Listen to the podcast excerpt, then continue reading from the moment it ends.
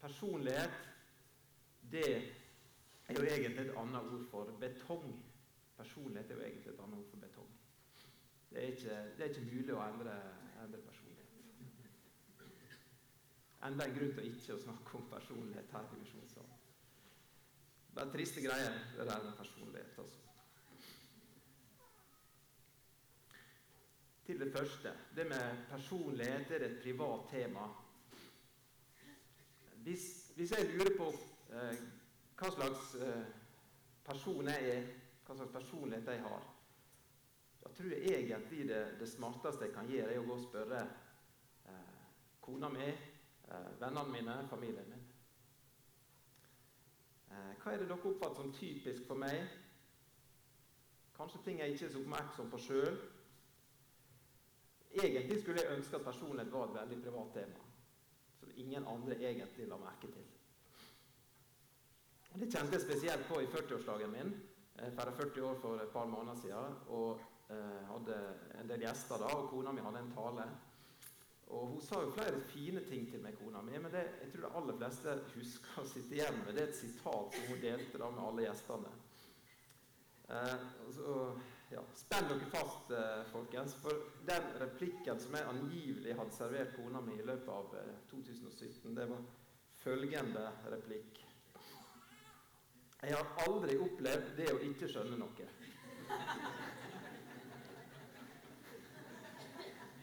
Så der eh, fikk dere den. Jeg aner ikke hva slags setting jeg sa det i, men det var sikkert ikke en veldig bra setting. Eh, er det mulig å være så sjølgod? Det, det, var det jeg lurte på. Altså. Nå hadde jeg jo ikke fylt 40 år, så det kan jo hende at personligheten min ikke hadde satt seg helt. Da. Sånn at det, den sjølgodheten liksom forsvinner litt etter hvert. Jeg vet ikke om det er mange av, av dere andre som strever, strever akkurat med sjølgodhet, men, men, men personligheten føles veldig privat.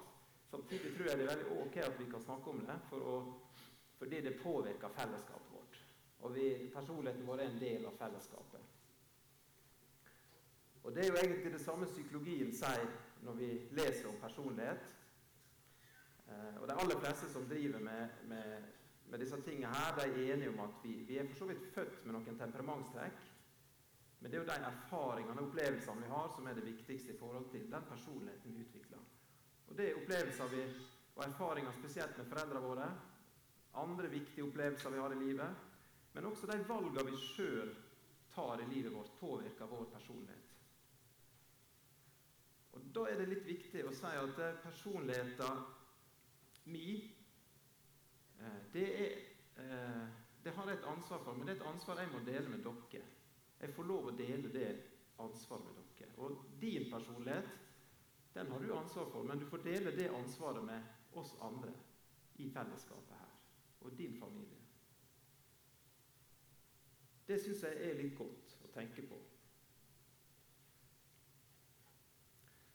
Og så i, i hverdagen sant, da kamuflerer vi eh, personlighetstrekkene så godt vi kan. Men så, når vi blir utsatt for press, da klarer ikke vi å skjule den personligheten vi har. Både på godt og på godt. Så selv om personlighet føles privat, så er det en del av fellesskapet. Fellesskapet har også et ansvar for min og din personlighet. Så var det det andre punktet. Personlighet er ikke det bare psykologi. Ehm, jeg tenker at vi, vi må gå til begynnelsen, til første Mosebok. Og dere som sitter her, dere kjenner jo første Mosebok, skapelseshistoria. Og dere vet at vi alle er skapt i Guds bilde. Og din personlighet handler dypest sett ikke om psykologi, ikke om sosiologi, ikke om arvesynd og synd og sånne ting heller. Det handler altså dypest sett om at min og din personlighet er forma for å ha et vennskap med Gud. Den store Gud, som er skaper av alle ting. Min personlighet er dypest sett forma for å ha et fellesskap med ham. Og Monica hadde andakt i går og snakka litt om eh, du kom jo vasende inn som en sånn vismann først, da, men, men, jeg husker jo også at du sa at vi er skapt med en lengsel etter Gud. Vi, vi, vi har et tomrom i oss. Vi, vi lengter etter noe mer, og det er Gud som vi dypest sett lengter etter.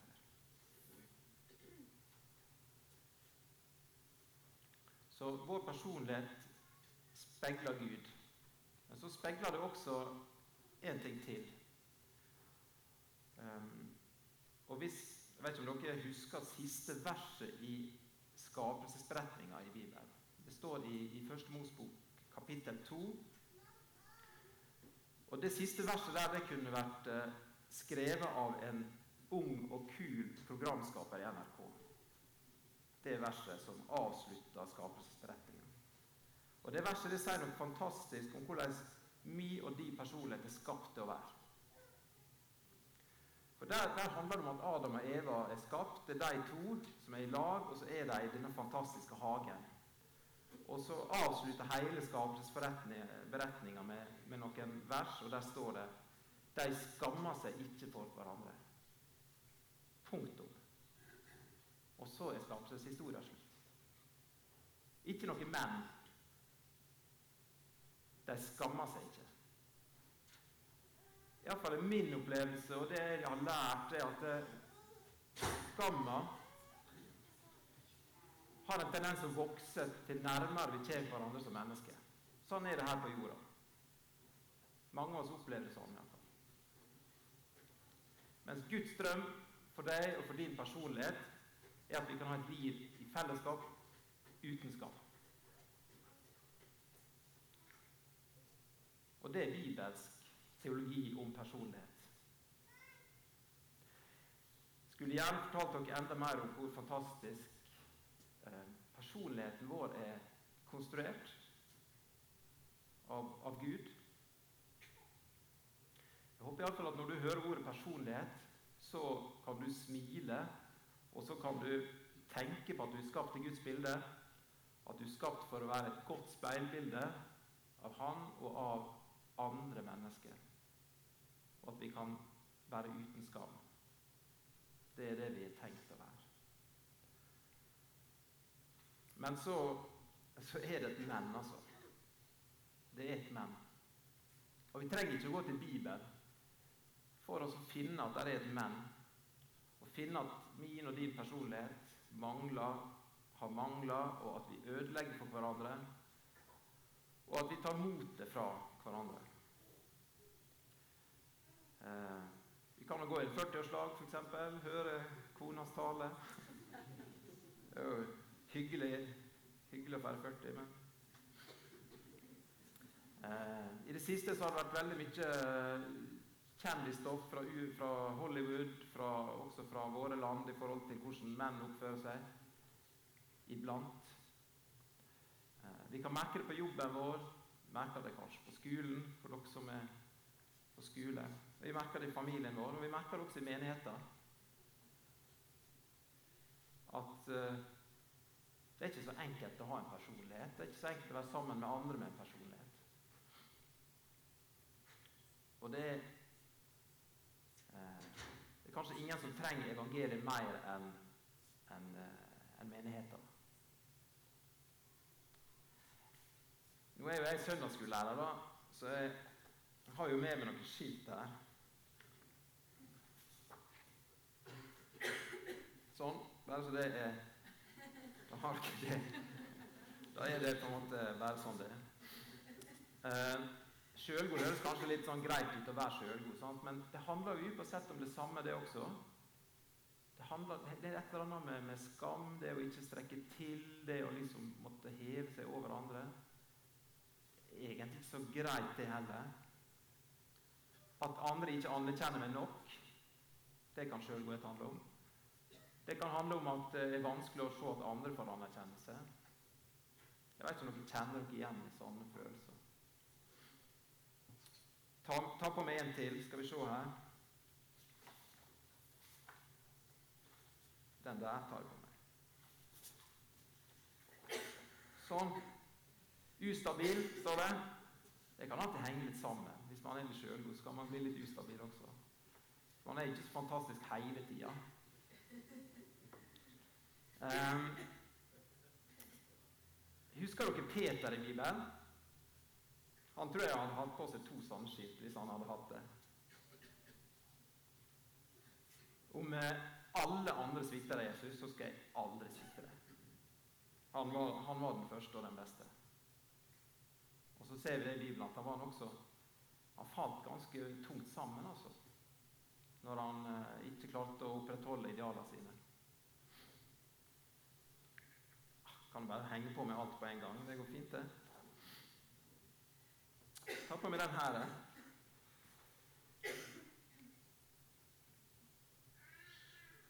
Mistroisk?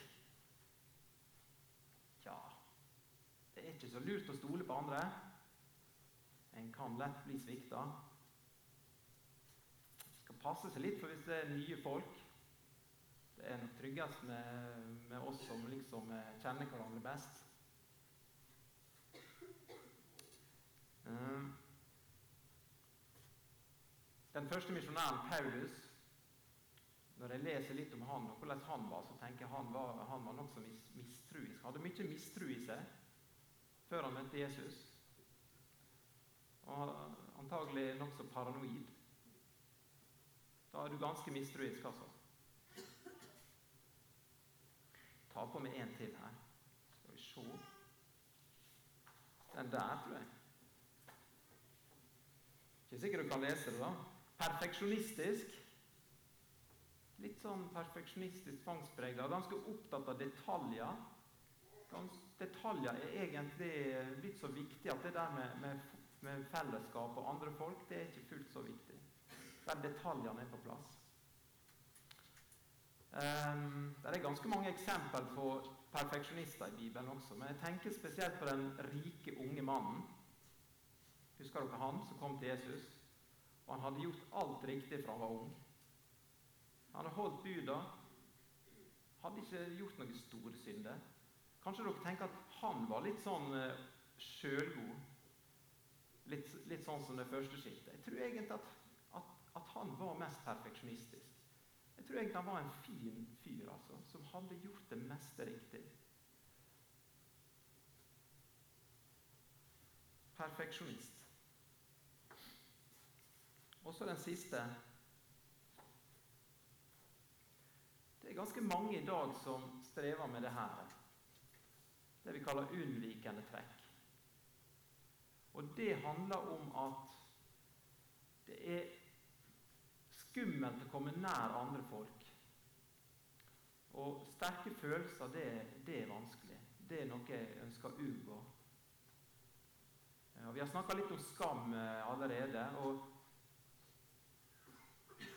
hvis den ustabile den kan ofte ha veldig mye skam i livet sitt, så er det sånn at den som har en, en del unnvikende trekk, den holder seg langt, langt unna skammen. Den lar være å ha nære relasjoner, fordi nære relasjoner det utløser så lett skam. Og så blir, blir det veldig mye un, unnvikelse. En unnviker andre mennesker. Kommer dere på noen som var litt sånn da i Bibelen? Når jeg forberedte meg, så tenkte jeg på kvinna eh, ved brønnen. Hun som Jesus møtte i Samaria. Hun som eh, prøvde å unngå de andre damene, som gikk og henta vann når de andre damene ikke henta vann. Hun som ikke ville at sannheten om livet hennes skulle komme fram. Jeg tror kanskje hun kunne hatt et sånt skilt på seg.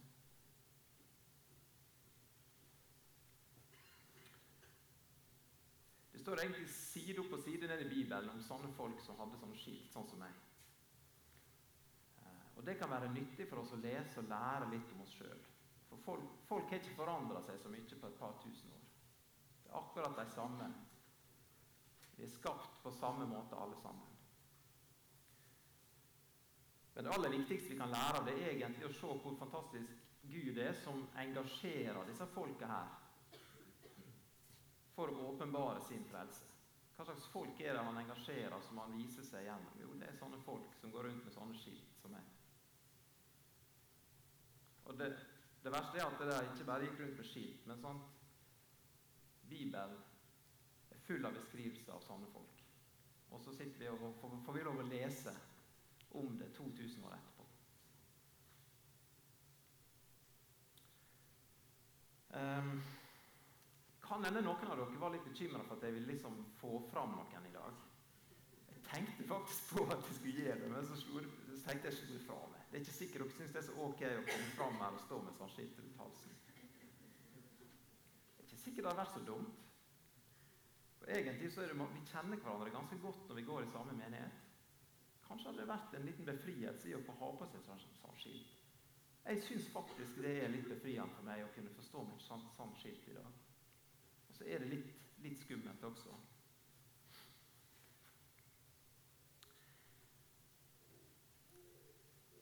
Men er det mulig å endre på noe av dette her, da?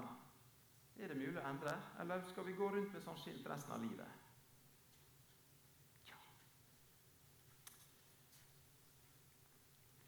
Hvis vi ser i Bibelen, så ser vi at det var mulig. Det, det skjedde ganske store endringer. Det må vi være litt ærlige på. Hvis du tenker på dama ved brønnen som unngikk de andre, så kom Jesus og avslørte livet hennes, og samtidig aksepterte hun. Hva skjedde med henne? Jo, hun, hun, eh, hun sprang inn i byen fortalte alle hva Jesus hadde sagt. Jesus sa at det skulle eh, bli en kilde i livet hennes som skulle velle fram. Ganske spesielt å si til en unnvikende person. Det skal bli en kilde i livet ditt. Høres ganske skummelt ut. Men det var det som skjedde med den dama. Hun fortalte om Jesus til den andre byen. Hun avslørte sine egne hemmeligheter. Og hun ble oppreist av Jesus og fulgte Jesus videre.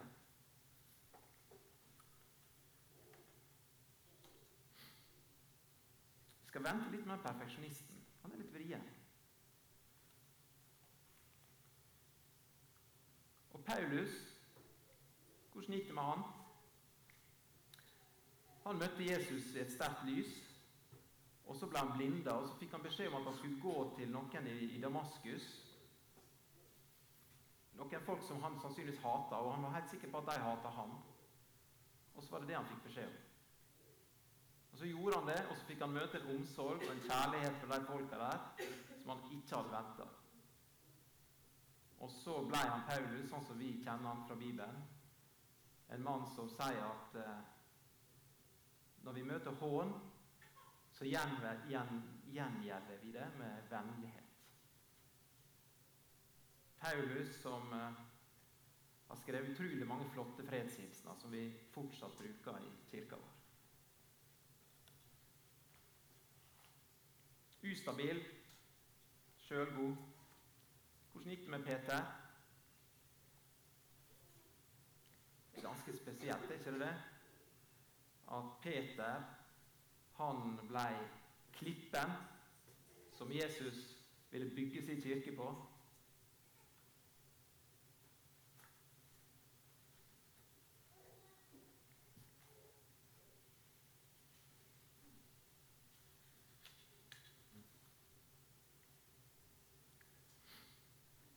Hva var det som skjedde? Og er det noe vi kan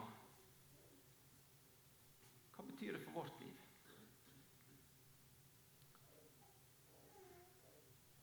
Ehm, det står i, i 1. Korinterbrev 2,16 så står det Vi har Kristi sinn fordi vi har fått Den hellige ånd.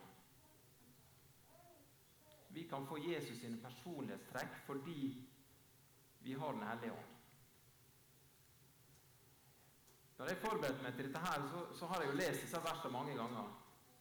Og jeg hadde lyst til å dele det med dere, men samtidig så er det litt sånn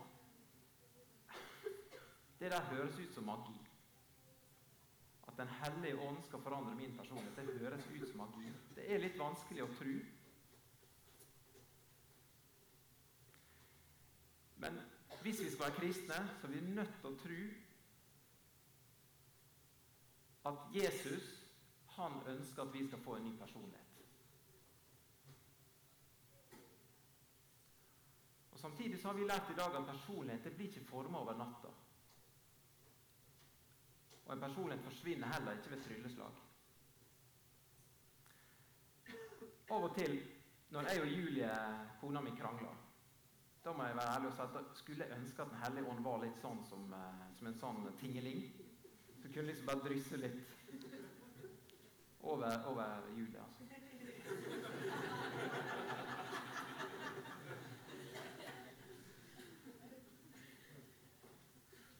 Det som er, det som er problemet, at Den hellige ånd ikke er sånn. Den hellige ånd han har gjort seg avhengig av meg. Og han har gjort seg avhengig av dere i fellesskapet her for at vi skal bli forvandla. Og jeg kan ikke forvente at kona mi skal vokse i kjærlighet hvis jeg samtidig er sjølgod og mister besinnelsen gang på gang. Og Sånn tenker fellesskapet vårt også.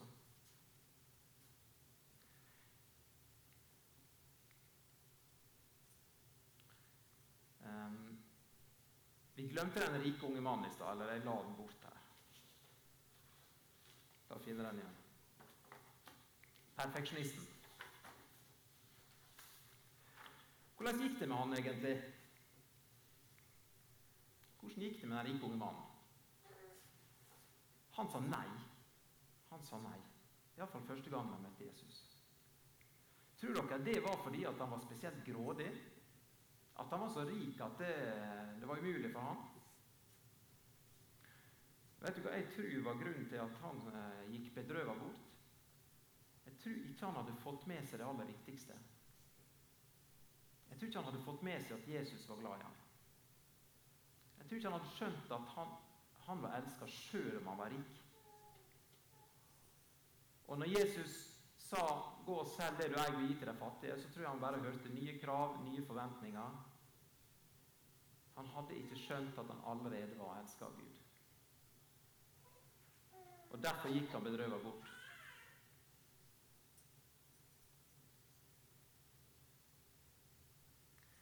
Den sangen som vi sang i stad Du Du min far, Gud. Eh,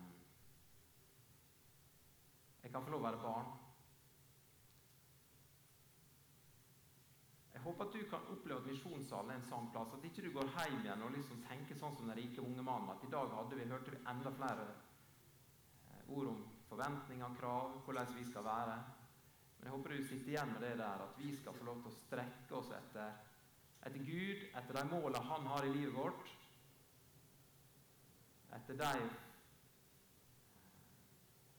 tingene Gud vil gi oss, at vi kan strekke oss etter det uten frykt. Uten frykt for å mislykkes, uten frykt for skam. Det er et sånt liv Gud har kalt oss til som kristne. At vi er invitert til å ligne på Jesus uten frykt. Uten frykt for skam, uten frykt for å mislykkes. Og så er, er det der er en magisk ting oppi det hele. Og Det mest magiske det tenker jeg at Jesus, Guds sønn, døde på korset for meg fordi han var så glad i meg. Det er magisk, og det er ekte på en gang. Og så er det det som dekker over alle syndene. Det er det som binder oss sammen her. Det er det som gjør at jeg faktisk kan stå her og si at vi kan få lov til, få lov til å prøve å ligne på Jesus, folkens. Vi kan prøve å ligne på Jesus uten frykt, uten skam, uten redsel for å mislykkes. Og så har jeg Ta på meg alle skiltene igjen, i og med at det ikke er noen av dere som vil stå fram her. For jeg tror, jeg tror, nok at jeg kommer til å ha med meg disse skiltene resten av livet. Altså. Og det kan godt hende dere også det. Jeg kommer rundt og går rundt med sånne personlighetstrekk som ikke er så greit, verken for oss sjøl eller andre. Jeg tror vi kommer til å ha dem med oss resten av livet. Men da er det så utrolig viktig at vi ikke gjør sånn som den rike unge mannen, at vi bare går vår vei. Men at vi kan få lov til å være frimodige. Selv om vi har disse her skiltene hengende på oss, så kan vi få lov til å være frimodige og stå fram her. Stå fram og preike i misjonssalen med et sånt sånt sjølgodskilt rundt halsen. Makan. Eller den unnvikende kan få lov til å være frimodig, ta på seg Jesus sin frimodighet. Og kanskje også få lov til å ønske seg at noen i forsamlinga kan være så modige at de kan møte den unnvikende med ærlige spørsmål, med oppreisning. Og kanskje kan det bli kilder som kan velle fram fra indre til en som er unnvikende. Jeg vet om folk som har ganske mye mistro i seg, som, eh, som har lagt det bort, og som våger å invitere inn nye folk som er som er godt å møte i menigheten. Jeg kjenner perfeksjonister som legger detaljene bort, og som er opptatt av fellesskapet, selv om det kan være en kamp, selv om det kan være krevende av og til. Og så har Per Arne hatt uh, hengende bibelvers oppe. Og Så er det det det handler om. ikke sant? Jeg tror Gud har en plan med det, at vi er sånn som vi er. At vi skal få lov til å være kristne sånn som vi er. Jeg tror det kan være et vitnesbyrd for de utafor her. Vi er jo ikke så perfekte. sant? Vi er sånn som alle andre folk. Men vi har skatten i leirkar for at den rike krafta skal være av Gud og ikke av oss sjøl.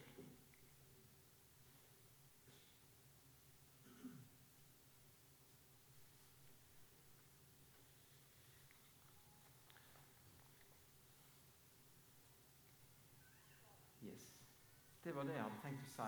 Eh, jeg har lyst til å be litt. Kjære himmelske Far. Takker deg for budskapet som du har møtt meg med. Takk for at du har gitt meg en menighet der jeg kan eh, være trygg nok til å være ærlig, at jeg kan være meg sjøl. At jeg kan våge å stille meg opp og dele ditt ord.